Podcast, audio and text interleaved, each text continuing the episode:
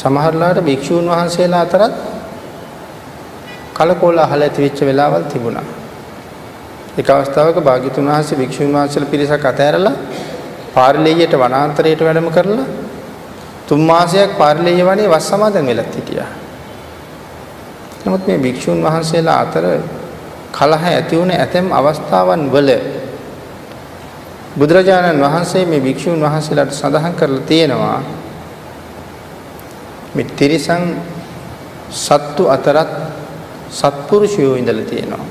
තිරිසන් අතරත් සත්පුරුෂයෝ ඉඳලා තියෙනවා. ඊට උදාහරණ සහිත ජාතක කතා බුදුරජාණන් වහන්සේ ඒ භික්ෂූන් වහන්සේලාට ගෙනහැර දක්වලා තියෙනවා. තිත්තිර ආදී ජාතක කතා ගෙනහැර දක්වලා පැහැදිලි කරලා තියෙනවා. මේ තිරිසන් අතරත් මෙන්න මේ වාගේ සත්පුරුෂයෝ ඉඳලා තියෙනවා කියලා. භාග්‍යතුන් වහන්සේ වේදිස කියන පර්වතයේ අසල වැඩ ඉන්න කාලේ. වේදිස පර්වතයේ ඉන්දසාල ගුහාවේ භාග්‍යතුන් වහන්සේ වැඩ හිටපු කාලේ මේ ප්‍රදේශයේ හිටිය බකමූණු පක්ෂියෙක්. මේ බකමූණු පක්ෂියා බුදුරජාණන් වහන්සේ පිණ්ඩ පාතේ වඩිනකොට පෙර ගමන් කරනවා මගට යනකම්. මගට යනකම් පෙර ගමන් කරලා ආපහු කන්ද උඩටම එනවා භාග්‍යතුන් වහන්සේ නැවස ගුහාවට වැඩියට පස්සේ මෙයා භාග්‍යතුන් වහන්සේ වැඩ ඉන්න අවට නිරන්තරයෙන් ගැවසෙමින් කටයුතු කරනවා. භාග්‍යතුන් වහන්සේ දිහා බල බල අවට ගැවසෙමින් කටයුතු කරනවා. එක දවසක් මේ බකමූණු පක්ෂියා බුදුරජාණන් වහන්සේ භික්ෂූන් වහන්සේලා පිරිවරාගෙන වැඩ ඉන්න වෙලාවක භාග්‍යතුන් වහන්සේ පේන මානේ ඉදිරියට ළඟට එනවා. එහෙම ළඟට ඇවිල්ලා තමන්ගේ පියාපත් දෙක එකතු කළා. දැන් පියාපත් එකතු කරාම මෙයාට අත් දෙකක් නැහැ. නමුත් අත් දෙක එකතු කරලා භාග්‍යතුන් වහන්සේට සහ මහා සංඝයාට වැඳා වගේ තමයි පේන්නේ පියාපත් දෙක එකතු කරගෙන භාග්‍යතුන් වහන්සේ දිහා බලාගෙන බලාගෙන ඉන්නවා දෑත ඔසවාගෙන වන්දනා කරගෙන ඉන්නවා වගේ. භාග්‍යතුන් වහන්සේ ටික වෙලාවක් බකමුණු පක්ෂියා දිහා බලාගෙන ඉඳලා සිනහ පහල කළා. භික්ෂුන් වහන්සේලා අහනවා ස්වාමීනි සිනහ පහල කළා දැක්කා. කුමක් සඳහා සිනහ පහල කළාද? ඒ වෙලාවේ භාග්‍යතුන් වහන්සේ සඳහන් කරනවා මහණෙනි අර බලන්න අර බකමූණු පක්ෂියා දිහා. මේ බකමූණු පක්ෂියා භාග්‍යතුන් වහන්සේට සහ මහා සංඝරත්නයට වන්දනා කරනවා. මේ වන්දනාව නිසා ලබන කුසලය ඔහු දෙව්ලොවට යනකම් අරන් යනවා. තිරිසන් ලෝකේ ඉන්නේ. නමුත් ඔහු සතර පායේ තියන්නේ නැහැ මේ කුසලය. ඔහු දෙව්ලොවට යනකම් අරගෙන යනවා. දෙව්ලොව අප්‍රමාණ දෙව් සැප විඳිනවා විතරක් නෙමෙයි. මතු අනාගතයේ දවසක සෝමනස්සෝ නාම පච්චේක බුද්ධෝ භවිස්සති. සෝමනස්ස නමින් පසේ බුදු වෙනවා මෙයා. සෝමනස්සෝ නාම පච්චේක බුද්ධෝ භවිස්සති කියවේ එකයි. මේ කරපු පින්කමත් එක්ක මේ තව එක පින්කමක් මේ. මීට කලින් මෙයා සංසාරේ බොහොම පින් කරලා තියෙනවා.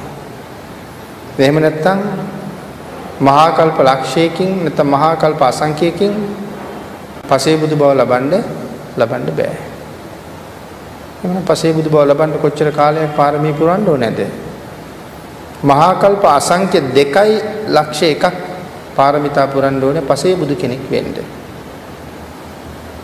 අග්‍ර ශ්‍රාවකයන් වහන්සේ නමක් වෙන්න මහා කල්ප අසංඛ්‍යයකුත් ලක්ෂයක් පාරමිතා පුරන්න ඕනේ. මහා ශ්‍රාවකෙක් 80 මහා ශ්‍රාවකෙක් බවට පත් වෙන්න මහා කල්ප ලක්ෂයක් පාරමිතා පුරන්න ඕනේ. ලෞතර බුදුරජාණන් වහන්සේ නමක් වෙන්න මහා කල්ප අසංඛ්‍ය 4යි ලක්ෂ 1ක් පාරමිතා පුරන්න ඕනේ ප්‍රඥාවන්ත බුදුවරයෙක් බවට පත් වෙන්න නම්. එහෙම නැතුව ප්‍රඥාවන්ත බුදුවරු, ශ්‍රද්ධාවන්ත බුදුවරු, වීර්යාධික බුදුවරු කියලා බුදුවරු කොටස් තුනකට බෙදෙනවා. ප්‍රඥාවන්ත බුදු කෙනෙක් මහා කල්ප අසංඛ්‍ය 4යි ලක්ෂ 1ක් පාරමී සම්පූර්ණ කරන්න ඕනේ. ශ්‍රද්ධාවන්ත කෙනෙක් මහා කල්ප අසංඛ්‍ය 8යි ලක්ෂ 1ක් පාරමී සම්පූර්ණ කරන්න ඕනේ මේ නියත විවරණයෙන් පස්සේ වීර්යාධික බෝධිසත්වයෙක් මහා කල්ප අසංඛ්‍ය 16 ලක්ෂ එකක් පාරමී පුරන්න ඕනේ ලෞතර බුද්ධ රාජ්‍ය ලබන්න. එවනම් පසේ බුදු බව ලබන්න මහා කල්ප අසංඛ්‍ය 2 ලක්ෂ එකක් පාරමී පුරන්න ඕනේ. එහෙමනම් මෙතනින් ප්‍රකාශ වෙනවා මේ බකමූණු පක්ෂියා සංසාරේ පාරමී පුරලා තියෙනවා මහා කල්ප අසංඛ්‍යයක් විතර. එහෙම පාරමිතා පුරලා තමයි මේ තිරිසන් ආත්මික ඉපදිලා තියෙන්නේ. අපිට මොකද්ද මේකෙන් හිතන්න තියෙන්නේ? සසර නම් කොයි තරම් භයානකද? සසර නම් කොයි තරම් භයානකද? මේ මහා කල්ප අසංකේයයකට වැඩිය පෙරම් පුරාපු උත්මයෙක් මේ ඉන්නේ. නමුත් තිරිසන් ආත්මයකට ඇවිල්ලා. එතකොට එසේ මෙසේ සාමාන්‍ය පක්ෂියෙක් එහෙම සාමාන්‍ය තිරිසනෙක් එහෙම නෙවෙයි. අපේ බුදුරජාණන් වහන්සේ විවිධ සත්ව නිකායවල වල ඉපදුනා. හැබැයි අතිශයින්ම අනෙක් සාමාන්‍ය සත්තුන්ට වඩා නම් සැබවින්ම වෙනස්. එහෙමනම් මෙතන මේ සතිපට්ඨානය ඉගෙනගෙන සිහිය පිහිටවල තියෙන්නේ අන්න එහෙම අය. එහෙම සංසාරේ පෙරම් පුරාගෙන ආපු අය කුසල් වඩලා තියෙන අය මේ ඉන්නේ. සාමාන්‍ය සත්තු ගැන නෙමෙයි සඳහන් කරන්නේ. ආන් ඒ කාරණාව ගැන අපි කල්පනා කරන්නේ නැතුව ධර්ම කාරණාව පිළිබඳව සැක උපදවන්න විතරක් අපි සූදානම් වෙනවා. මේගොල්ලෝ මෙහෙම සිහිය පිහිටවා ගත්තේ සසර කොයි වාගේ ගමනක් ආපු අයද කියන කාරණාවත් අපි හොයලා බලලා කල්පනා කරන්න වෙනවා මේ සැක මතු කරන්න කලින්.